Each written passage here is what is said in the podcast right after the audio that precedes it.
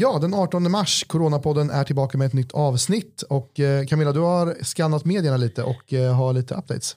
Yes, idag har det ju kommit eh, besked om att Eurovision är inställd för första gången på 64 år. Det kanske inte är de viktigaste nyheterna idag, men ändå är intressant att veta kanske. Och idag har enligt Folkhälsomyndigheten 1279 personer påvisat smittade av covid-19 i Sverige. Det är ju då 13 fall per 100 000 invånare. Och det är ju det är ett mörkertal då vi fortfarande endast testar riskgrupper och sjukvårdspersonal. Då. Eh, och därifrån så säger de fortfarande att man ska skydda sig själv och man ska skydda andra. Eh, det är de äldre som kommer att behöva hjälp nu framöver. De behöver fysiskt isoleras och hjälpa dem att handla, gå till apoteket och så vidare. Och vi ser ju nu att det är stigande tal och vi kommer få se fler och fler fall som kommer behöva ligga på intensiven och vi kommer få se fler dödsfall. Ja, jag såg att det har ju även passerat 200 000 bekräftat smittade i hela världen mm. nu också. Ja, det är hemskt. Men vi måste ju kämpa tillsammans för att hålla ner den här utvecklingen. Sen har ju även kungen och statsministern hållit tal idag till svenska folket, en informationskonselj. Eh, och det var mindre statsråd på plats, kronprinsessan var inte vid kungens sida. Eh, och vi har en prövning som land och hela befolkningen, men de säger att vårt land ska vara väl rustat för det. Och fulla lador. Ja, eller hur? Det är bunkrat. Nu såg jag även artiklar om att Systembolaget börjar få eh, bunkrare in hos sig. Det var en jag pratade med igår faktiskt som sa just det. Jag såg och bunkra. Jaha, eh, vilken butik åker du till då? Äh, Systembolaget. Ja, precis. Ja, för nu finns det ju toapapper. Det finns toalettpapper i mängder så att eh, det kommer att räcka i alla fall. Eh, men de säger ju där på den här eh, presskonferensen, kungen och eh, statsministern, att det är ju många som är oroliga för sin, för sin egen hälsa, för sina anhörigas hälsa och för sin egen försörjning.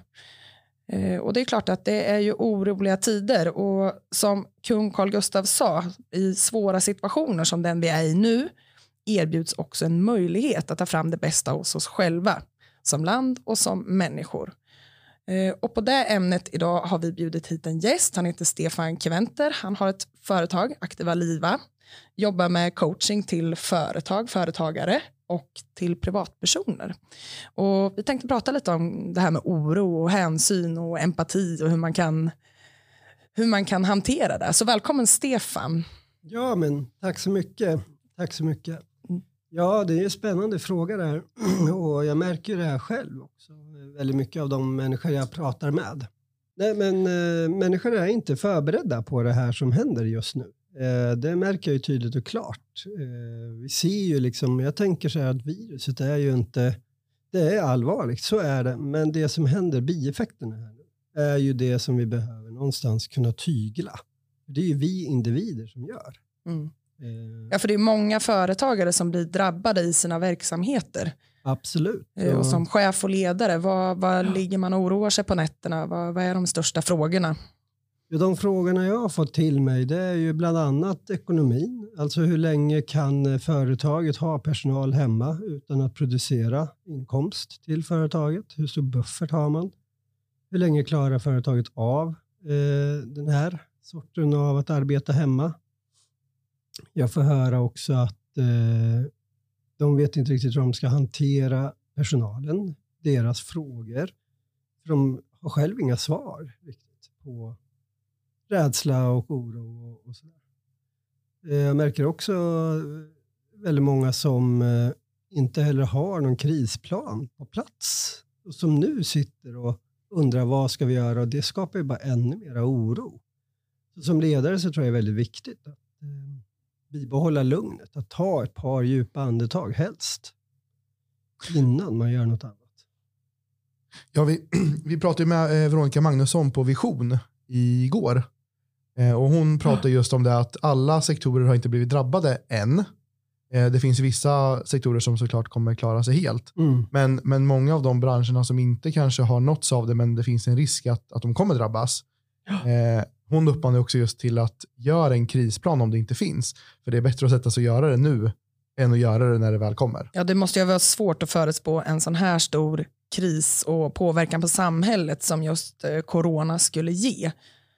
Så, Ja, Men vad är en krisplan då? Vad innebär den och hur kan man göra en sån nu? Ja, men till exempel så, så är det ju ypperligt tillfälle nu att eh, till exempel kolla över det här med hur kommunicerar vi ut det här till våra anställda. Att vara tidigt ute och kommunicera ut de förändringar som sker i ert företag. Det är jätteviktigt. Även de små delarna är viktiga att få fram. Eh, och en del tänker att jag har inget att säga för det är inget nytt som har hänt. Men det är information i sig. Och Det märker vi att när vi är tysta, då börjar andra tänka. Och om man tänker med rädsla och fantasi så blir det inget bra. Så all kommunikation, det är till att börja med börja kommunicera tidigt vilka förändringar som sker i bolaget hos er nu. Det är jätteviktigt. Sen är det också ett annat moment är ju väldigt viktigt också. Det är att kunna vara närvarande som chef. Att Mm. vara med. Att synas. Ja, för man sitter ju ändå i samma båt. Absolut. Eh, både företagarna och arbetstagarna, de som arbetar på Ja. de här företagen.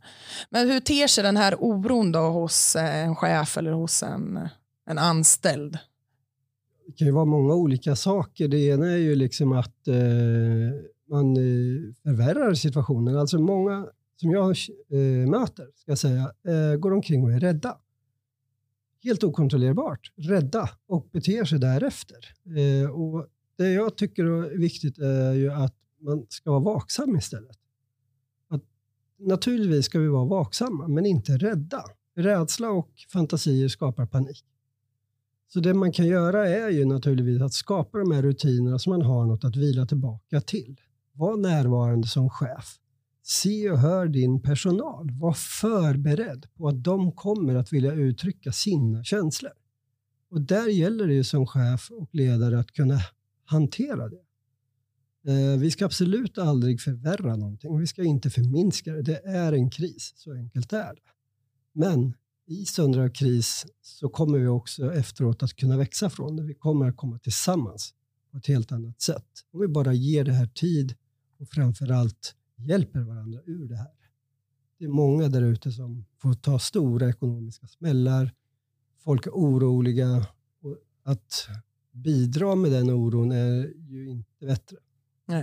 Men om man nu som företagare har nu tuffa tider, det går sämre ekonomiskt, eh, man kanske behöver eh, säga upp folk helt enkelt och man ligger på nätterna och funderar på det här. Har du några bra tips, något konkret sådär hur man kan tänka för att få lite hopp, liksom, lite mental? Ja, alltså det här med, med oro och ängslan och, och fundera, fantisera om något som inte har hänt än är ju det vi brukar kalla för waste of time. Men jag förstår ju att folk gör det. Och det handlar om en förmåga. Och för att du ska ha förmågan att kunna vara empatisk till exempel, så behöver du ha kunskap. Du behöver ta ansvar och du behöver ha kontroll över situationen. När vi tar bort kontroll över en situation som i det här läget, det är klart det skapar oro. Så mitt tips är ju liksom att ställ dig tre schyssta frågor. Det första är det ens sant det jag tänker. Jag brukar jämföra hjärnan som ett diskotek. Och släpper vi in vad som helst på dansgolvet, om alla de här gubbarna och tanterna och, och kvinnorna och människorna på dansgolvet är våra tankar som dansar runt där. Och så släpper vi in människor eller tankar som inte ska vara där. Det stökar till det. Så det första vi ska göra, tycker jag, är att skapa en mental dörrvakt om man säger så. En gatekeeper som ställer lite frågor innan du släpper in de här tankarna. Och det första kan vara, är det ens sant? Det andra kan vara, är det viktigt att tänka det här just nu? Och det tredje kan vara, är det snällt av mig att göra det här just nu? Är det inte ja på de tre, då går du vidare. Då, då går du bara andas, släpp det. Är det nej? Nej, det är inte sant. Det är inte viktigt. Och det är absolut inte snällt. Ja, men tro inte på det du tänker. Det låter jätteenkelt, men det är också väldigt enkelt. Att, att, att försöka tygla sina känslor. Det är bara via de mentala bitarna som vi gör det på. Mm. Men skillnaden på en krisplan då, man säger, för då måste man ju ändå fantisera och sätta upp scenarion Ja, att det här kan hända. Yes. Eh, där är ju den generella regeln är ju oftast vad jag vet är ju att planera för det, för det värsta, förbereda för det värsta men planera för det bästa, brukar jag säga. Att ha, ta den här situationen, vi ska använda det här som en, en, en lektion för oss att lära oss av. Så absolut, ta fram olika scenarier, förbered er, förbereda sig, förbereda sig för det värsta tänkbara. Våga gå hela vägen ut och sen börja planera för det bästa. De människorna som är oroliga, kanske anställda, som har en oro. Hur mm. tyglar man den oron och rädslan? Jag skulle vilja säga att ett, ett sätt skulle kunna vara att kunna lämna känslorna för en stund och gå upp och bli lite mental. Att bli lite, alltså i tankens värld. För, för att om vi börjar tänka på saker, som till exempel en gul banan, så är det väldigt svårt att inte få bort den bilden. Så våra tankar skapar bilder och bilderna skapar en känsla av en gul banan. Och försök till, säga till dig själv att inte tänka på en gul banan. Det går liksom inte. Bilden finns där. Jag tänker på en gul banan fast jag inte ska. Så att frikoppla sig känslomässigt handlar väldigt mycket om andra, skapa andra bilder ibland. Och det skulle jag kunna rekommendera väldigt många att ta fram de där semesterbilderna. Ta fram andra bilder som gör dig glad. Ta fram andra olika bilder som gör att du känner dig lättad. Liksom. Men för att kunna kontrollera en känsla behövs oftast tre saker, brukar man prata om. Det är kroppen, den fysiska delen, det sitter ju där. Så sitter man med oro och ångest, det går inte att sitta framåtböjd på sängkanten med händerna över ansiktet och känna sig stolt i den hukade positionen. Det går inte. Så du måste ställa dig upp i en power pose, ställa om kroppen. För det sitter väldigt mycket där. Det andra jag skulle säga det är att också skifta fokus. För när vi sitter och ältar eller tänker på framtiden, då tappar vi en tredje aspekt. Det är vår nutid, här och nu. Att klockan är två mitt i natten. Hur rimligt är det, det jag tänker just nu? Att lägga fokus på där jag är nu. Och ett bra sätt för det, det är att andas in genom näsan. Låt andningen finnas kvar i kroppen en stund. Andas ut genom munnen. Och sen räknar du 20 ner till noll för varje utandning. När du gör den övningen till exempel, så kommer du inte kunna tänka på något annat än att du sitter och räknar. Ganska lite corona just då faktiskt. och sen är det ju den tredje aspekten, förutom fokus behöver vi också ändra vårt språk. Vi pratar med ord som skapar en betydelse. Och kan vi ändra våra ord så kan vi skapa en ändring i vår betydelse. Så det skulle jag också lägga märke till och faktiskt ge ett tips på att fundera själv. Vilka tre negativa ord använder du på daglig basis och byt ut dem till tre positiva. Så för att ändra en känsla så behöver du sätta din kropp i rörelse, du behöver skifta fokus och du behöver förändra hur du pratar till dig själv och andra. Det är inre och yttre kommunikation. Mm. Ja, det är ju bra tips för både, både chefer och anställda. Jag hoppas det. Ja. Den kanske blev lite invecklat, men det är mycket enkelt egentligen. Ja, precis. Man får spara tillbaka och lyssna igen om inte annat. Ja, eller hur? Det är bara att trycka på knappen så kan man lyssna en gång till.